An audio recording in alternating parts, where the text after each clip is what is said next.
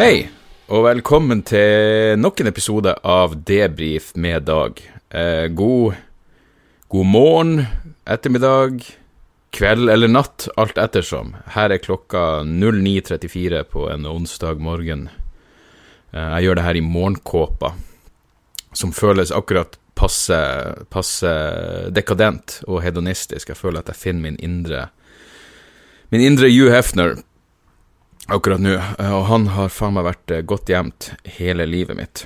Jeg håper alt står bra til. Først må jeg bare adressere Det var litt klaging på, eh, på lyden i deler av forrige podkast. Altså den forrige vanlige podkasten, ikke bonus-fjøsfylla med Kevin Kildahl. Men eh, det var rett og slett utenfor min kontroll. Eller var høyst innenfor min kontroll, men jeg hadde tydeligvis stilt feil på et eller annet fanskap. Det, det er så teknisk som jeg som jeg klarer å bli. Um, ellers går alt, alt går vel her. Uh, fruen er fortsatt, fortsatt sykemeldt. Vi trodde jo hun hadde en, eh, en, prolaps i nakken, det viste seg å ikke være det, så det her er, det her er siste, siste uka hennes med, med sykemelding. Og amen for det. Ellers så har jeg jo uh, Hva jeg gjorde i forrige uke? Jo, jeg var i, var, forrige onsdag så dro jeg jo til Bergen for å gjøre en uh, nok en liveinnspilling av, av Dialogisk, hvor vi uh, hadde en episode om om logikk, som var helt nydelig. Jeg anbefaler fortsatt alle å sjekke logikksjekk.no. Det som var interessant, var at uh, idet jeg var på vei bort for å, for å gjøre for å gjøre podkasten, så ble jeg stoppa av en kar i, i, i hotellobbyen som var fra en organisasjon som heter Ex-Muslims of Norway. Uh, og De var en hel gjeng som de hadde vært i Bergen og hatt noe, noe seminar av et eller annet slag, og så skulle de komme og se, og se podkasten vår. Så han var en veldig hyggelig fyr. heller. jeg, jeg snakka med flere av dem, og de var alle, alle veldig hyggelige. Egentlig den type folk man burde hatt på Kanskje på dialogisk. Men i hvert fall, han, ga meg, han ene karen ga meg ei T-skjorte. Han ga meg to, T-skjorter. Han, han, spurte først om størrelsen min. Jeg sa jeg, jeg tror jeg går for en medium. Han bare jeg tror du burde gå for en XL. Jeg tenkte hva er det her er slags jævla brutal ærlighet blant uh, ex-muslims of Norway? Så vi, vi, fant et slags kompromiss på en large. Uh, men han insisterte fortsatt på å gi meg en XL i tillegg, bare, bare i tilfelle. Uh, og jeg satt jo pris på T-skjorta, men jeg måtte si, jeg, jeg vet da faen om jeg kan gå med denne skjorta. Kan jeg gå med ei T-skjorte hvor det står Ex-Muslims of Norway, og i tillegg så er det bakpå skjorta bare lista opp land som har dødsstraff for blasfemi? Jeg mener, jeg, jeg støtter organisasjonen, men jeg vet ikke om jeg kan kalle meg en ex-muslim of Norway, fordi man må vel ha vært en muslim of Norway i utgangspunktet, og eh, det er helt sinnssykt langt unna å, å noen gang ha vært. Men hyggelige folk, åpenbart en uh, viktig organisasjon. Uh, på lik linje med de jeg prata om tidligere, som organiserer tidligere Jehovas vitner. Fordi enhver, enhver eh, trosretning eller sekt som du bryter ut av, som, som inkluderer sosial ekskludering fra sikkert store deler av familie og venner, da, da skjønner jeg faen meg behovet for ei, ei støttegruppe, og ei gruppe hvor likesinnede kan komme sammen og snakke om hvor hvor latterlig tankeprosessen deres var tidligere. Uh, jeg, jeg, tror det var når jeg var der, så, eller jeg, jeg drev og så på um, Det var et innslag på uh, Dagsrevyen, av alle ting. Det må ha vært på lørdag, hvor de prata om noe som heter ASMR. Jeg hadde aldri hørt om det før, og i utgangspunktet tenkte jeg at det her må da være bullshit. Det er Autonomous Sensory Meridian Response. Um, og eh, det var et innslag om, om YouTube-videoer som lager, hvor folk bare lager statisk lyd. Og det skal gjøre at det, at det begynner å prikke litt i uh, hjernebarken din og nedover nakken og, og, langs ryggraden. Og det skal være en utrolig behagelig opplevelse. Jeg tenkte det her er noe nytt jævla alternativ fjas, men så dukka Plutselig så dukka vel uh, eh, Jan Ole Hesselberg opp og, og mente vel at det var, kunne være noe i det her. Jeg mener, En del av det var bare sånn Ja, de lagde lyder akkurat som du drar handa di over plastikk, og Jeg syns bare det hørtes ekkelt ut. Så visste de også er, er de, For det her poenget er at du må ikke bare se videoen, du må også se Du må ikke bare høre lyden, du må også høre videoen. Og det her er noe som er stort på YouTube, og det visste de er en av de største YouTube-stjernene som lagde denne type videoer. Hun heter Emma, tror jeg. Britisk dame. Veldig pen, rødhåra dame. Og det er ikke ofte jeg sier det. Jeg er ikke en Redhead-fan, men hun var en veldig pen, rødhåra dame. Og hun, uh, hun driver og hvisker 'My name is Emma'. I'm here for you. My name is Emma. Og jeg tenkte ja ja, det her brukes åpenbart ikke til å runke, gjør det vel? Uh, og Jeg tror de ble konfrontert med det faktum i episoden hvor de sa at jeg hadde ingenting med det å gjøre. Tenker sånn, nei, ok, Kanskje det du lager ting for i utgangspunktet, og bruksområdene, kan jo selvfølgelig være vilt forskjellig, men uh, jeg tror fortsatt Emma vet nøyaktig hva hun gjør for noe. ASMR heter det. Um, når straks showet var ferdig i, uh, i Bergen Det var faen meg fullt hus, 170 stykker, det var så stappa som vi fikk det. Um, etter at uh, podkasten var ferdig, så gjemte jeg meg på hotellrommet, fordi uh, som noen av dere vet, så skulle jeg ha ei Jeg skulle ha ei, ei, hvit uke. Og det er ikke det at ikke jeg kan gå ut etter et show, men kom igjen, da, da, blir det ei pils. Og når jeg tenker hvit uke, så, så, så betyr det virkelig hvit uke. Da er det ingen drinker. Vi, vi, vi, kommer tilbake, vi kommer tilbake til det. Men jeg tok det med ro. Jeg gikk tilbake på hotellet, så, så på Atypical på Netflix, som er helt nydelig. Så våkna jeg opp dagen etterpå, i fin form. Jeg, jeg vet da faen om det noen gang har skjedd når jeg våkna opp etter, uh, etter en kveld i Bergen, men, uh, men, men formen var, var, helt strålende. Jeg husker jeg satt på flyet tilbake og bare leste ei bok, og jeg hadde selvfølgelig mine kjære noise cancelling headphones på, men, men jeg hadde ikke noe musikk på. Og så satt jeg bare og leste, og på slutten av hvert kapittel så stoppa jeg og prøvde å tenke over hva jeg hadde lest. Det var nesten en slags meditativ opplevelse. Så tenkte jeg faen, jeg er rolig. Jeg er rolig og, eh, og avbalansert akkurat nå. Så lander vi, og jeg tar, eh, jeg tar bestandig flybuss hjem, og den går hvert kvarter. Det er ganske ofte, men allikevel så føler jeg fuck, jeg må rekke akkurat den flybussen. Så jeg, jeg lander, og så er det vel, ser jeg at det er syv minutter til bussen skal gå. Jeg har ikke noe bagasje innsjekka, så det bør være god nok tid. Og Jeg står og venter på å komme frem, uh, men selvfølgelig, rett foran meg så er det en mann med krykke, dobbeltkrykke, to krykker, som kommer ut. Og jeg skjønner at det her blir å ta tid.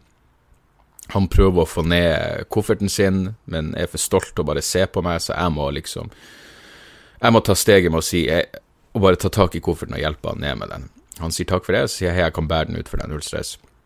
Så vi går, sakte og relativt usikkert, nedover midtgangen på flyet. Og jeg tenker ja, den bussen gikk nå helt til helvete, men sånn er det. Jeg er jo et fantastisk menneske akkurat nå. Når vi da skal gå av flyet, så er det jo ei trapp ned. Og fyren begynner å gå, blir stoppa, fysisk stoppa av en av folkene på eh, Oslo lufthavn Gardermoen, som sier at eh, vi må heise deg ned. Han bare heiser meg ned. Ja, den, så sier de ja, vi har noe sånn uh, høyteknologisk greie, så hvis du bare går inn mot cockpiten og står der og venter til alle de andre går ut, så skal vi heise deg ned. Og han spør kan ikke jeg bare gå ned trappa. Jeg er fullt kapabel til å gjøre det, og jeg har til og med en fyr her som hjelper meg å bære kofferten min. De sa nei. Uh, og jeg ble selvfølgelig En del av meg ble glad, for det betydde at nå kunne jeg bare stikke. Uh, kofferten er ikke lenger mitt ansvar.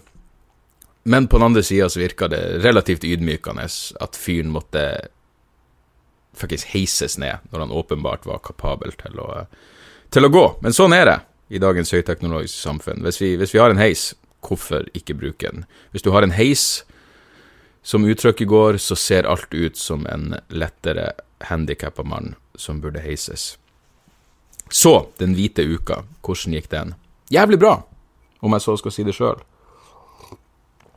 Det er nå onsdag, og det skal sies, på ski så ble det jeg, jeg har De siste elleve dagene så har jeg drukket ei halv flaske vin. Og alt det skjedde på fredagskvelden på ski. Og det var rett og slett fordi, kom igjen, jeg var alene på ski, min lydmann Steven var ikke med meg.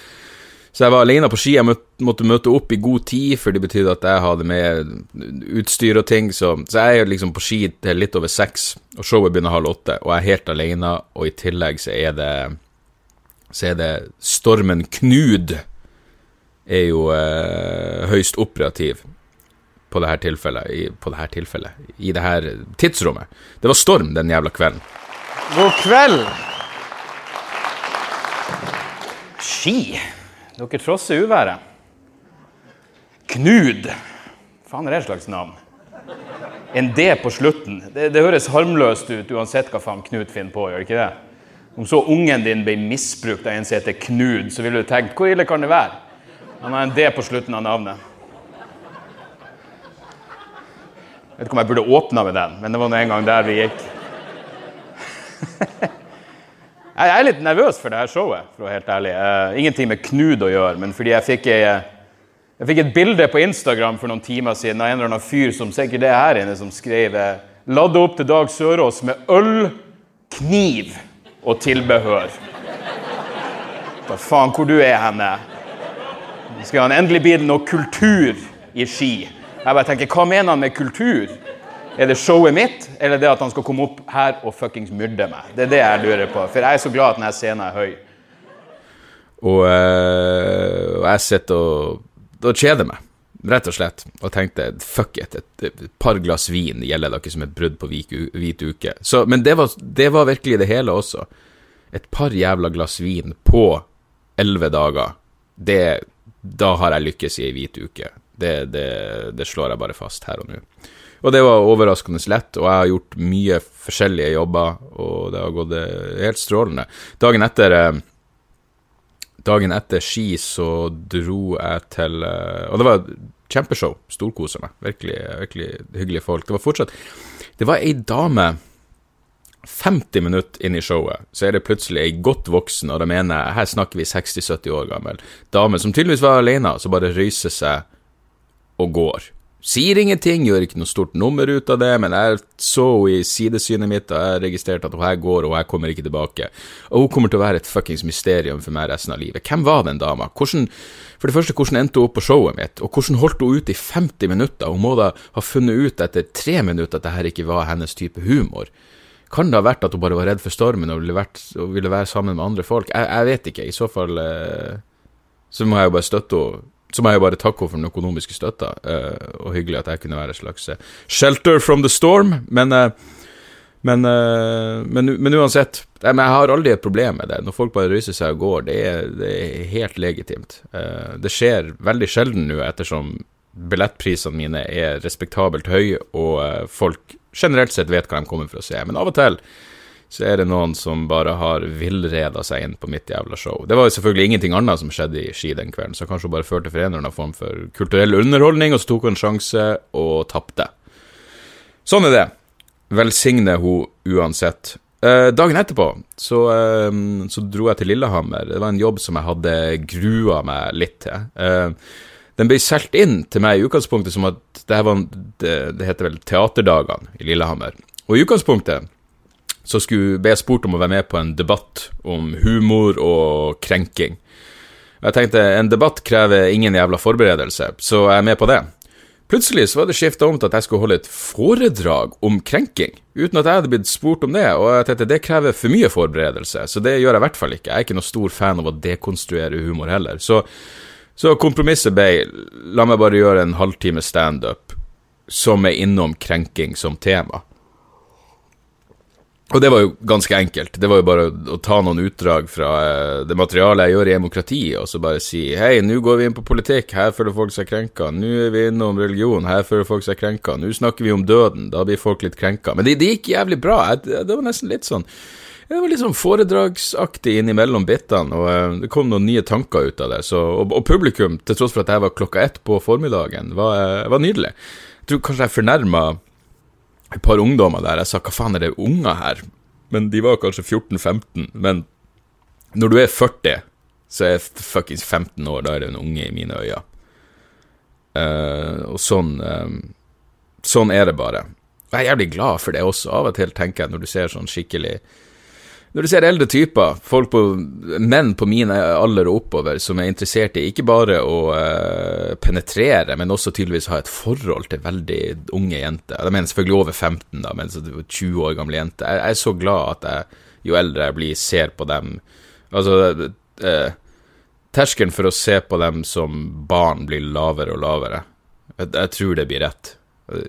Ikke ta noe av det her ut av kontekst. Jeg er bare så glad Jeg, jeg kan ikke Hva jeg skal snakke med en fuckings 20-åring om? Det, det, er jeg usikker på.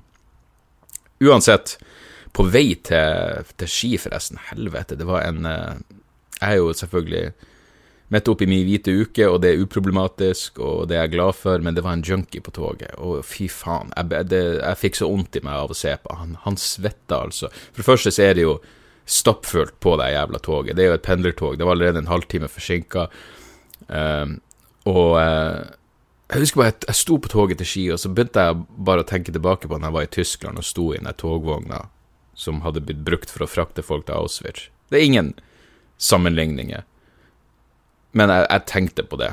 Og så så jeg den jævla junkien. Helvete, altså. Han svetta og pesa. Han var veldig høflig, men han var for hele tida Han satt og svetta og klødde seg på armen, og så røyste han seg opp for å gå og se hvor toget var, og veldig høflig, og åpenbart bare Han hadde det røft. Han var inne i en røff periode i, uh, i livet sitt, jeg håper han, uh, han kommer seg igjennom hva enn det var han, han gikk igjennom, som åpenbart var detox. Så ja. Uh, og Lillehammer, eh, Showet i Lillehammer var jo, var jo klokka ett, så jeg var jo ferdig til to på vei tilbake. Jeg følte meg som en skikkelig jævla proletar. Ferdig på jobb til to. Eh, dro hjem, hadde en rolig lørdag med familien. Um, eh, på søndag så dro jeg og, og, sønnen min for å se plutselig barneteater på, eh, på Edderkoppen. Det er vel en del av, av humorsalongen-konseptet, men eh, ja, det er et barneteater. Barneimproteater.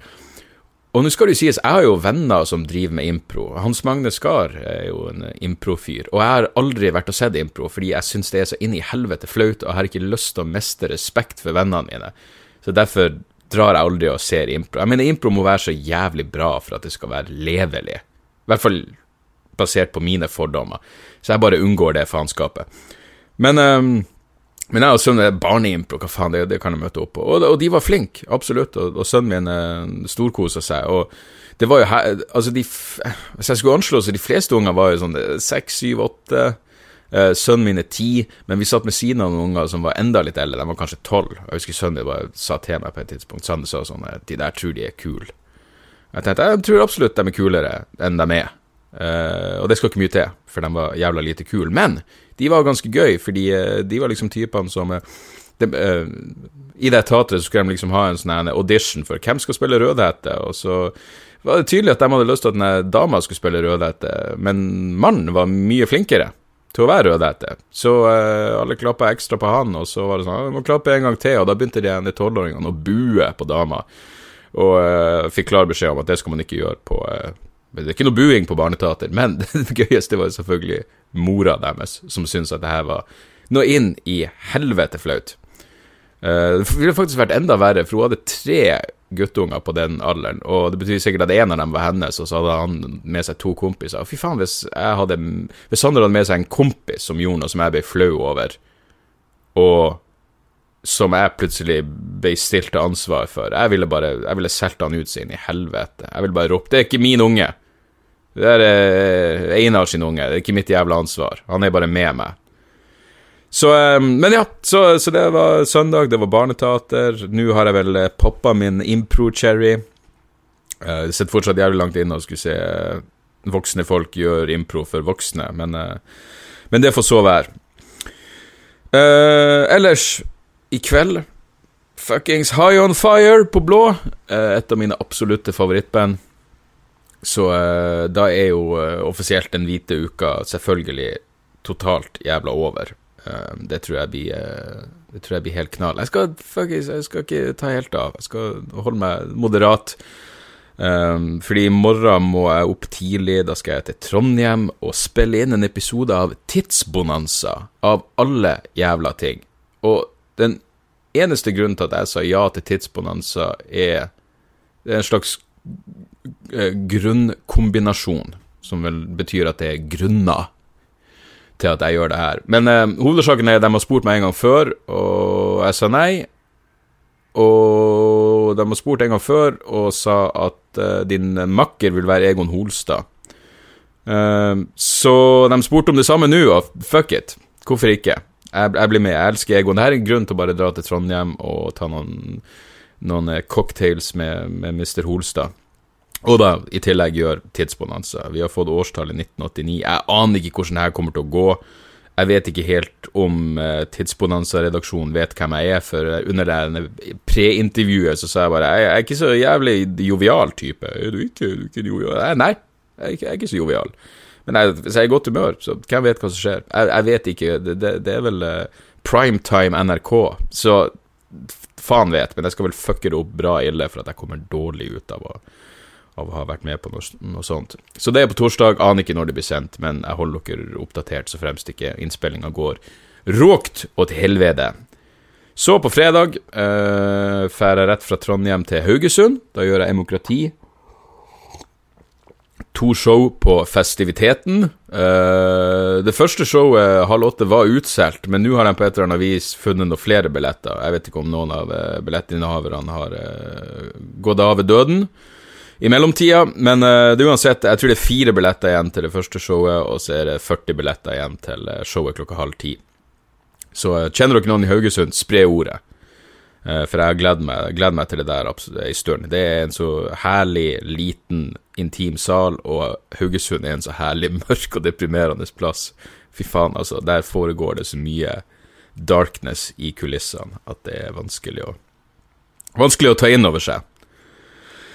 Um, så ja, det er helga mi. Neste uke igjen så er det jo faen meg Bergen. Og det har jeg glemt meg til i stund. Bergen er jo en av mine favorittplasser, og jeg har mange av mine Flere av mine favorittfolk bor i Bergen, så neste fredag og lørdag så gjør jeg Lille Ole Bull. Et show på fredag og to show på lørdag.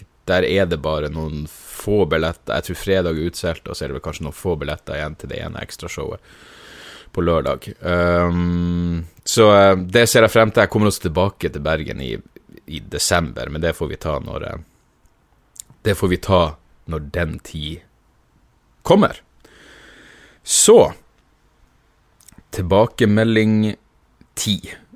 Um, jeg våkna Jeg vet jeg våkna opp her, bare Jeg har prata jeg vil prate om på scenen, det der at, uh, jeg ikke så, at jeg ikke har så tjukk hud som jeg en gang trodde jeg hadde når det kommer til tilbakemeldinger. Hvis noen bare er usaklig, så er det sånn uh, det, går ikke inn, det går ikke inn på meg hvis noen skriver 'du er ikke morsom i det hele tatt'. Uh, whatever. Kanskje jeg er enig med deg. I den rette dagsformen så er jeg enig med deg. Men, på, men det slo meg her en morgen jeg våkna opp, fordi jeg er jo Jeg, jeg er jo såpass gjennomsnittlig og digitalt avhengig og, eh, og eh, selvkontroll eh, redusert. Jeg, det første jeg gjør når jeg våkner på morgenen, er å uh, ta frem telefonen min. Jeg tar ikke faen ikke av meg når jeg ser på sovemaska en gang før. Jeg begynner å skue på telefonen med ett øye. Men da var det for det første her var en morgen hvor jeg våkna opp, og så og så sjekka avisa, og så gikk jeg inn på Facebook, så så jeg at festiviteten i Haugesund hadde tagga meg i et innlegg, og så hadde de lagt ut eh, et eller annet Kari Jakkesson-klippet fra Mandagsklubben, og så sto det bla, bla, Dag Sørås kommer, eh, kommer til Haugesund på fredag. Uh, to show på fredag, og så var det en fyr som hadde én kommentar under, fra en eller annen dildo, som, som skrev ja, dere må vel promotere det her, for sånn her drittprat er det vel ikke Folk står vel ikke i kø for å komme og se den her drittpraten? Og selvfølgelig, det burde jo være et klassisk eksempel på den type kommentar jeg bare ikke lar gå inn på meg i det hele tatt. Men det, det er to show, din fuckings kuksuger! To show tilser vel at folk kommer for å se deg. Tanketom Det var, det var og, Igjen, jeg svarte ikke på det, men det bare satte meg i et sånn jævla modus. Jeg bare, det, av og til så er det det jeg trenger for å få meg opp av senga på morgenen. Det, det, jeg kan høres ut som jeg er en negativ kuk når jeg reagerer på den måten, men innerst inne så gir den formen Det, gir meg en, en, en, glede å få det lille fnugget av adrenalin. Men etter at jeg leste den kommentaren, så gikk jeg inn på debrifpodkast at gmail.com-kontoen min hvor dere kan eh, skrive tilbakemeldinger, spørsmål, innspill, fortelle meg historie. Debrifpodkast.gmail.com, podkast med C. Der var det en mail fra ei dame som vil være anonym. Uh, og det er en lang fuckings mail, ei avhandling. Um, så jeg skal ikke lese hele det her, men uh, bare for å oppsummere, altså um, Mailen begynner Hei. I din siste podkast snakker du om å leve i uvitenhet og ta ting som det kommer. Du anbefaler ei bok, 'Natural Causes' av Ehrenreich, og kaller henne ei, en jævlig bra forfatter. Jeg kalte henne vel ei jævlig bra dame, men det går jo for det samme. Nå har ikke jeg lest boka, eller hørt om dama, så ta forbehold om min uvitenhet når det gjelder det. Det jeg reagerer på, er at du nevner den businessorienterte helseindustrien med preventive koloskopier og mammografier. I den forbindelse kjente jeg at jeg for første gang ble nødt til å sende en mail og si ifra. Å ja, det er første gang hun sier ifra.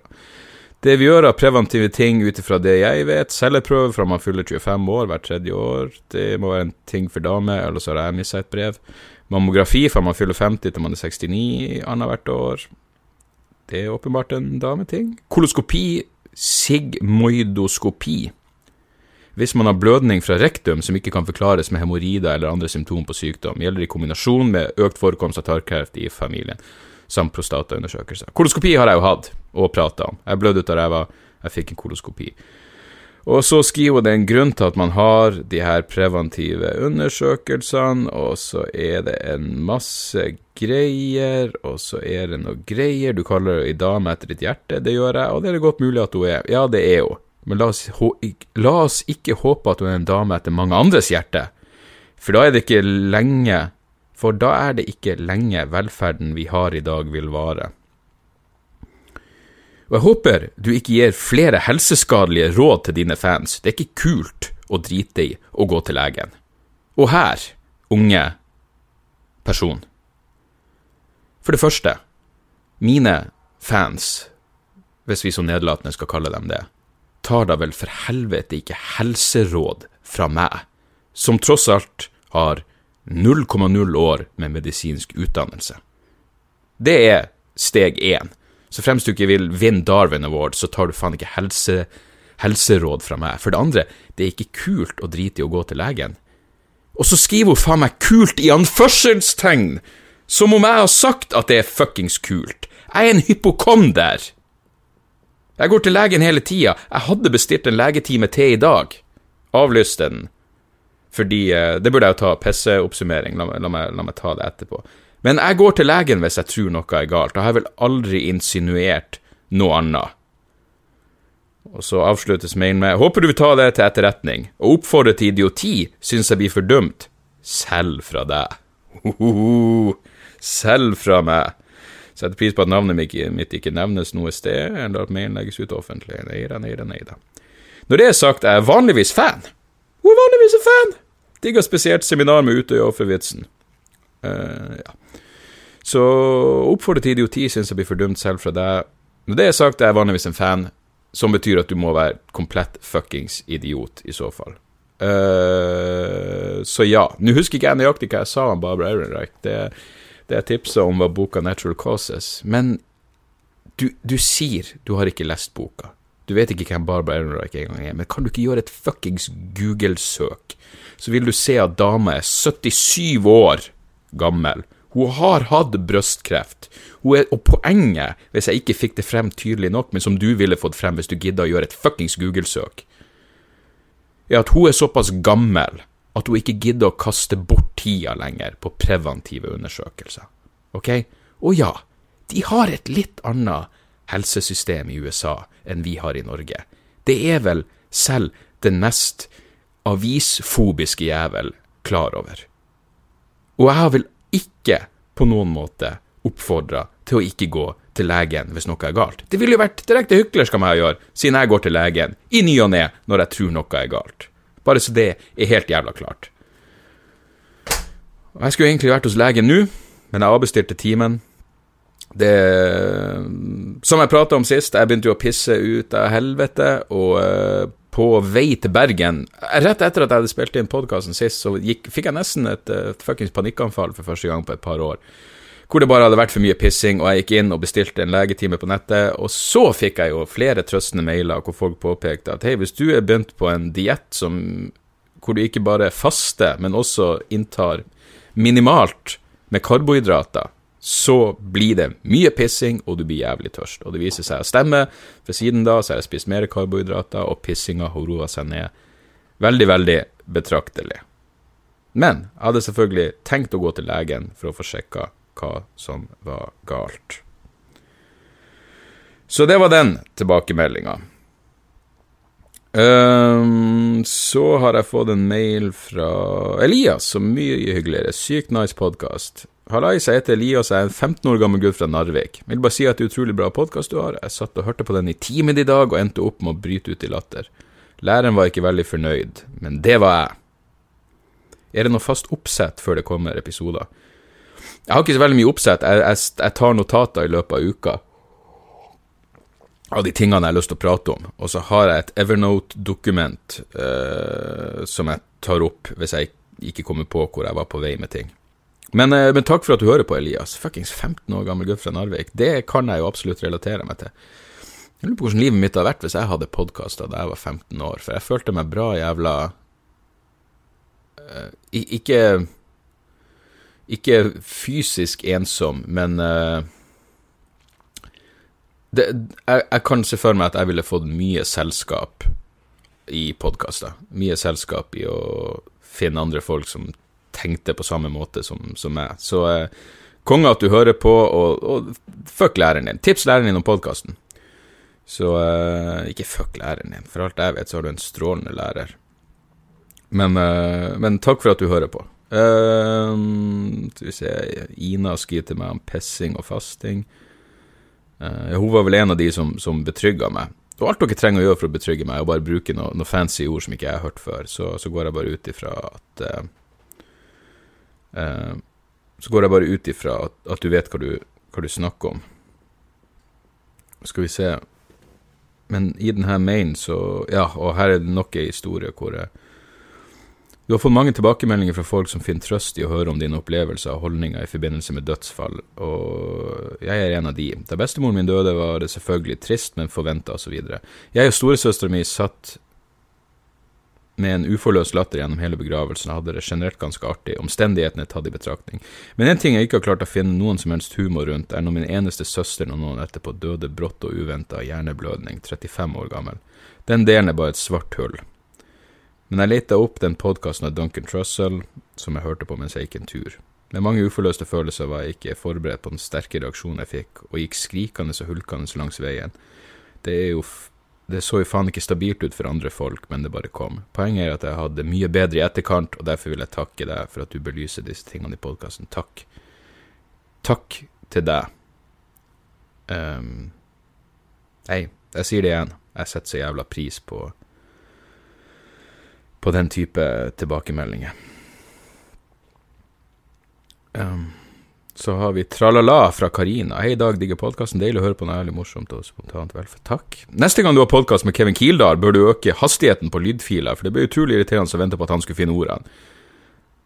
Uh, ja, det, var, det, er jo en jævlig god idé. Husk det, folkens. Hvis dere hører bonusfjøsfylla, så går det an å skru volumet opp til det Hvis du setter på uh, ganger to-hastighet, så tipper jeg det blir uh, så tipper jeg det blir levbart. Um, skal vi se Var det noe mer jeg ville ta opp? Jo. Um, ja, hei Dag. Pål her, fellow narvikværing som for tida holder til i Trondheim. Digger podkasten og alt det der. Takk. Men, en, men, det jeg lurer på, er som følger. Du anbefaler veldig ofte bøker som ikke er fiksjon. Har du bøker du liker, og som du anbefaler som er fiksjon? Som for eksempel House of Leaves, har du lest den? Om du har lest den, vil jeg gjerne høre hva du syns og tenker om den. Jeg hadde flere ting jeg skulle spørre om, men jeg klarte rett og slett ikke å huske. Jo, hva heter den TV-serien som du og Erlend skulle være med på? Digga episoden med han. Uh, jeg håper det kommer mange episoder av debrief. Du, det håper jeg òg, Pål. Uh, TV-serien som jeg og Erlend er med på, heter Latterlig smart. Etter jeg forstår, så er den utsatt til november. Men, uh, men Erlend er i San Diego og lærer om parasitter, som var det jeg hadde lyst til å lære om. Jeg er i Kasakhstan og lærer om pesten. Og jeg gleder meg som faen til det programmet, men jeg blir selvfølgelig å plugge det når, når jeg får en sikker dato. Jeg vet at mitt program er program nummer to. Så det blir i starten av, av november en gang. Fiksjon. Eh, vet du, jeg begynte jo min lesekarriere med fiksjon. Jeg leste Hardy-guttene, uh, alt sånn typisk Hardy-guttene var faen meg stort for meg. Jeg, jeg, gud, jeg må ha lest Jeg vet da faen hvor mange bøker er det med Hardy-guttene, men at jeg har lest 30 av dem, det er jeg helt overbevist om. Og i den tida hvor jeg liksom var såpass uh, jeg var såpass inne i lesing, så overhørte jeg at faren min sa til mora mi at han akkurat hadde lest ferdig ei bok som heter Dyrekirkegården av uh, Stephen King, og så sier han til mora mi at slutten var så jævla ekkel at jeg fikk frysninger. Jeg vet ikke hvor gammel jeg var når jeg hørte det her, men jeg må ha vært rundt 13. Sorry, jeg må bare finne kaffe. Uh, jeg må ha vært en 13, kanskje 14 år. Og jeg hører han si slutten er så skummel at han fikk frysninger. Min far fikk frysning av å lese noe. Så jeg gikk selvfølgelig og sneik meg, fant den boka og pløya gjennom Pet Cemetery av Stephen King på rekordfart. Og var hekta på Stephen King. Faren min hadde masse Stephen King-bøker, og jeg leste alle som én. Og etter hvert så fikk jeg og Foreldrene mine syntes det var greit. Altså, så lenge jeg leste noe, så hadde det liksom ikke noe å si hva jeg leste. De var fortsatt liberale, men, men, men, men hadde grenser på hva jeg fikk se av film. Men, bøker var liksom Det var liksom bare å kjøre på. Um, jeg husker jeg fikk se filmatiseringa eh, Deler av filmatiseringa av Pet Cemetery sammen med faren min. Jeg elsker fortsatt den filmen. Jeg så, jeg så en dokumentar som heter Unearthed om eh, innspillinga av Pet Cemetery. Men, uh, men han var fortsatt litt sånn Du får ikke se, du får ikke se den siste halvdelen av filmen. Um, men, men etter hvert så fikk jeg og farsan en deal hvor hvis han hadde ei bok som var filmatisert, så fikk jeg se filmen hvis jeg leste boka. Jeg husker jeg leste, pløya gjennom alt det, alle de Jason Bourne-bøkene av eh, Robert Ludlum, tror jeg han heter. Og det var tjukke bøker, men eh, det her var 80-tallsversjonen av Jason Bourne. Og vi, jeg, farsan hadde et æressystem hvor hvis jeg sa jeg leste lest ferdig bøkene, så hadde jeg lest dem ferdig, og så fikk jeg se filmen. Men etter hvert så leser jeg mindre og mindre fiksjon. Med det sagt, Charles Bukowski er vel min favorittforfatter. Jeg leste meste av han. John F Heter han Fante? John Fante. John Fant. Jeg vet da faen hvordan det uttales, men uh, John Fante, som vel var en av Bukowski sine sine favorittforfattere. Han er også stor fan av Dostojevskij, fikk jeg smaken på jeg, da jeg studerte litteraturteori. Uh, jeg elsker Martin Amis. Uh, jeg elsker Chuck Palaniuk. Palaniuk. Det er så jævla vanskelige navn på de folk. Han har altså skrevet fightbook. Jeg husker han skrev en bok som heter Survivor, som jeg lurer på om de driver og skal lage filmer. Det har i hvert fall vært snakk om det lenge, men den boka fuckings fantastisk og så nydelig. Morsom og, og eh, samfunnsrefsende og alt det der. Men den morsomste boka jeg noen gang har lest Nå blir jeg nødt til å google her. And other small Den morsomste boka jeg noen gang har lest, heter Apathy and Other Small Victories av en fyr som heter Paul Nayland. Um, jeg tror til og med jeg prøvde å kontakte han på Facebook og bare si 'Når skal du skrive en ny jævla bok, mann?' Den kom ut i 2007, og det, den er Åh. Bare, bare, les den boka. Om, om, du så ikke gidder å ta deg tid til fiksjon, bare fuckings ta deg tid til å lese den boka. Den er helt fantastisk morsom. Skal sies at det da vel må være 10-11 år siden jeg leste den. Men jeg minnes at den var helt fantastisk. Det var en sånn bok som jeg ga videre til kompiser. Bare dere må lese denne jævla boka. Den er helt, helt konge. Som vanlig, jeg skal legge en link til det jeg prater om i, i shownotesen. Så ja, jeg leser tidvis fiksjon. Polanjuk kom vel ut med en ny bok nå som jeg burde sjekke, men jeg, jeg, jeg er dårlig på å lese fiksjon. Jeg leste Jeg leste uh, Holbæk uh, under faen heter den for noe? Underkastelse, submisjon av uh, Hol, Holbæk. Jeg tror den het uh, Submisjon Underkasta Michel Holbæk. Ja. Likte den veldig godt. Jeg har lest et par andre av hans bøker også. Og um, hva faen heter han høyre Celine, heter han vel, ja. Jeg hadde en kompis i Bakken, shout til Bakken, fikk meg inn i Celine i, i sin tid. Han var vel, han var vel faen meg nazist, tror jeg. Men uh, hei, når har det hindra folk fra å skrive fantastisk litteratur? Uh, ja, skal vi se Så har vi Geir Inge Skvalder, Geir Inge skriver Tusen jævla takk for å få ta del i fyllepraten i fjøsen. Det var som om alkotåka kom gjennom ørepluggene. Hei, takk. Som nattevakt er det brief en helt genial idé, og håper du fortsetter i samme stimen. jeg vil bare på det sterkeste ha meg frabedt at Gaute Grøtta Grav kommer fra Trøndelag. Han kommer fra Møre og Romsdal, og det forklarer, forklarer kanskje den pretensiøse stilen. Jesus, sa vi at Gaute kom fra Trøndelag? Eh, vi et, eh, en herlig landsdel på den måten? Det var ikke meninga. Uh, så jeg hadde faen meg glemt av at vi prata så mye om Gaute i, eh, i fulle podkasten. Og så skriver Geir Inge En ting jeg lurer litt, litt på her, jeg går og rævballene gnisser mot hverandre. Er det bare ren innbilning, eller har du en historie med hemoroider? Har du noen tips til de som måtte slite med slikt? Jeg har ingen historie med hemoroider. Jeg har meg bekjent aldri hatt hemoroider. Du tenker på Gunnar Tjomli, min dialogisk partner. Han har hatt hemoroider og fått hemoroider operert ut av ræva og full pakke. Jeg hadde en tarminflammasjon for eh, ti-tolv år siden. Uh, men det er de eneste Det eneste rektale ubehaget jeg hatt som ikke har vært uh, direkte selvpåført eller påført av andre med min godkjenning. Så nei, ingen hemoroider på meg. Hva du skal gjøre med det, jeg vet da faen. Jeg ville googla det. Uh, men beklager nok en gang at vi sa Gaute kom fra Trøndelag. Jeg mener, Det er den type faktafeil som, uh, som jeg virkelig tar til meg, og skal, uh, jeg skal skjerpe meg. Jeg skal skjerpe meg der. Ja, det Nå er vi jo faen meg over tida. Det, det, er flere av dere som har skrevet at podkasten gjerne kan være lenger. Den her er jo faen meg over 40 minutter allerede. Men men uh, sånn får det være. Raske tips. Uh, jeg holdt på med siste sesong av Bojack Horseman. Sist, altså den nyeste sesongen av Bojack Horseman, sesong fem er det vel. Dritbra, elsker den serien. Men det er en episode der som heter som, Hvor han bare Episode seks, tror jeg det. Så er hele episoden nesten at Bojack har en minnetale i mora sin begravelse, og det er en helt fantastisk jævla monolog den varer vel sikkert da i 20-25 minutter, og den er, den er helt nydelig. Faen er det som skjer utfor her nå? Kommer de, å, avbryte Bojack sin minnetale med å fuckings hente søpla? Hvor, er, hvor respektløst er ikke det? Jeg snakker bare over det. Men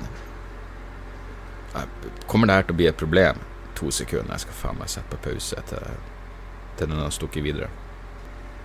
Den vil jo faen ikke forlate åstedet, den jævla søppelmyren. Så jeg bare kjører på. Jeg har, eh, jeg har ting å gjøre. Uh, Bojack Horseman-episoden har jeg i mellomtida funnet ut heter Free Churro. Uh, sesong fem, episode seks. Men Bojack regner med dere vet om, men den minnetalen fikk meg til å tenke på Helvete, er det der forstyrrende? Den minnetalen uh, fikk meg til å tenke på den beste serien jeg har sett i år som er Patrick Melrose, som ligger på HBO. Jeg tipsa min lydmann Steven om det og sa du kommer til å elske det her faenskapet, og han ble som meg så inn i helvete sugd inn fra første jævla sekund. Patrick Melrose er det beste jeg har sett på TV i hele jævla år. Og eh, jeg, jeg, vil, jeg vil, bare ikke si noe mer om det. Det, det, det er morsomt, det er rørende, det er dypt menneskelig og og så er det bare fem episoder også. Jeg håper så jævlig det blir mer av det. Jeg vet det er basert på noen bøker, og jeg håper det finnes uendelig av de bøkene. Det er en helt sinnssykt uh, En helt sinnssykt bra serie. Og helvete, han er Hugo Weaving som spiller faren til Patrick Mellors. Han er så Han er så, så skummel som det går an å få det. Hvor, hvor lang tid tar det å tømme fucking søppel? Ja. Og så vil jeg bare Siste jeg vil si, tips om en podkast. Uh, ehm, Yuval Noah Harari, som jeg har snakka om før, er gjest i uh, per nå siste episode av Waking Up with Sam Harris-podkast. Det er liveinnspilling fra San Francisco. Jeg legger ut en link i bioen, men de har en to timer lang diskusjon om uh, fortid og fremtid og kunstig intelligens og bio hacking og fuckings teknologi. Det, det, er en helt ny Den episoden er hjerneporno på sitt uh, mest pirrende. Så den anbefales. Jeg legger ut som vanlig en, uh, en, link i bio. Og så, som jeg nevnte tidligere, Atypical på, uh, på Netflix. Historie om en familie hvor sønnen er kraftig autist. Jeg, jeg ble helt hekta på den. Den er, den er, den er nydelig. Um, og jeg mener Ja, den er, den er bare helt, helt, jævla nydelig. Og hvis noe kan hjelpe til å håper å si fjerne stigma rundt og få folk til å forstå folk på det autistiske spekteret, så må jo det her faen meg være, være serien for det. Nydelige saker. Denne jævla fucking søppelbilen har tatt permanent residens rett utenfor vinduet mitt, så eh, vi snakkes, folkens. Jeg kommer til Haugesund på fredag, Bergen neste uke. Jeg elsker dere for at dere hører på. Mail meg debrifpodkast.gamer.com hvis dere har noe innspill, historie, har noen dødd og du vil dele det. Uansett hva det skulle være for noe. Uh, jeg setter så inn i helvete pris på dere, folkens. Vi snakkes snart. Tjo og hei!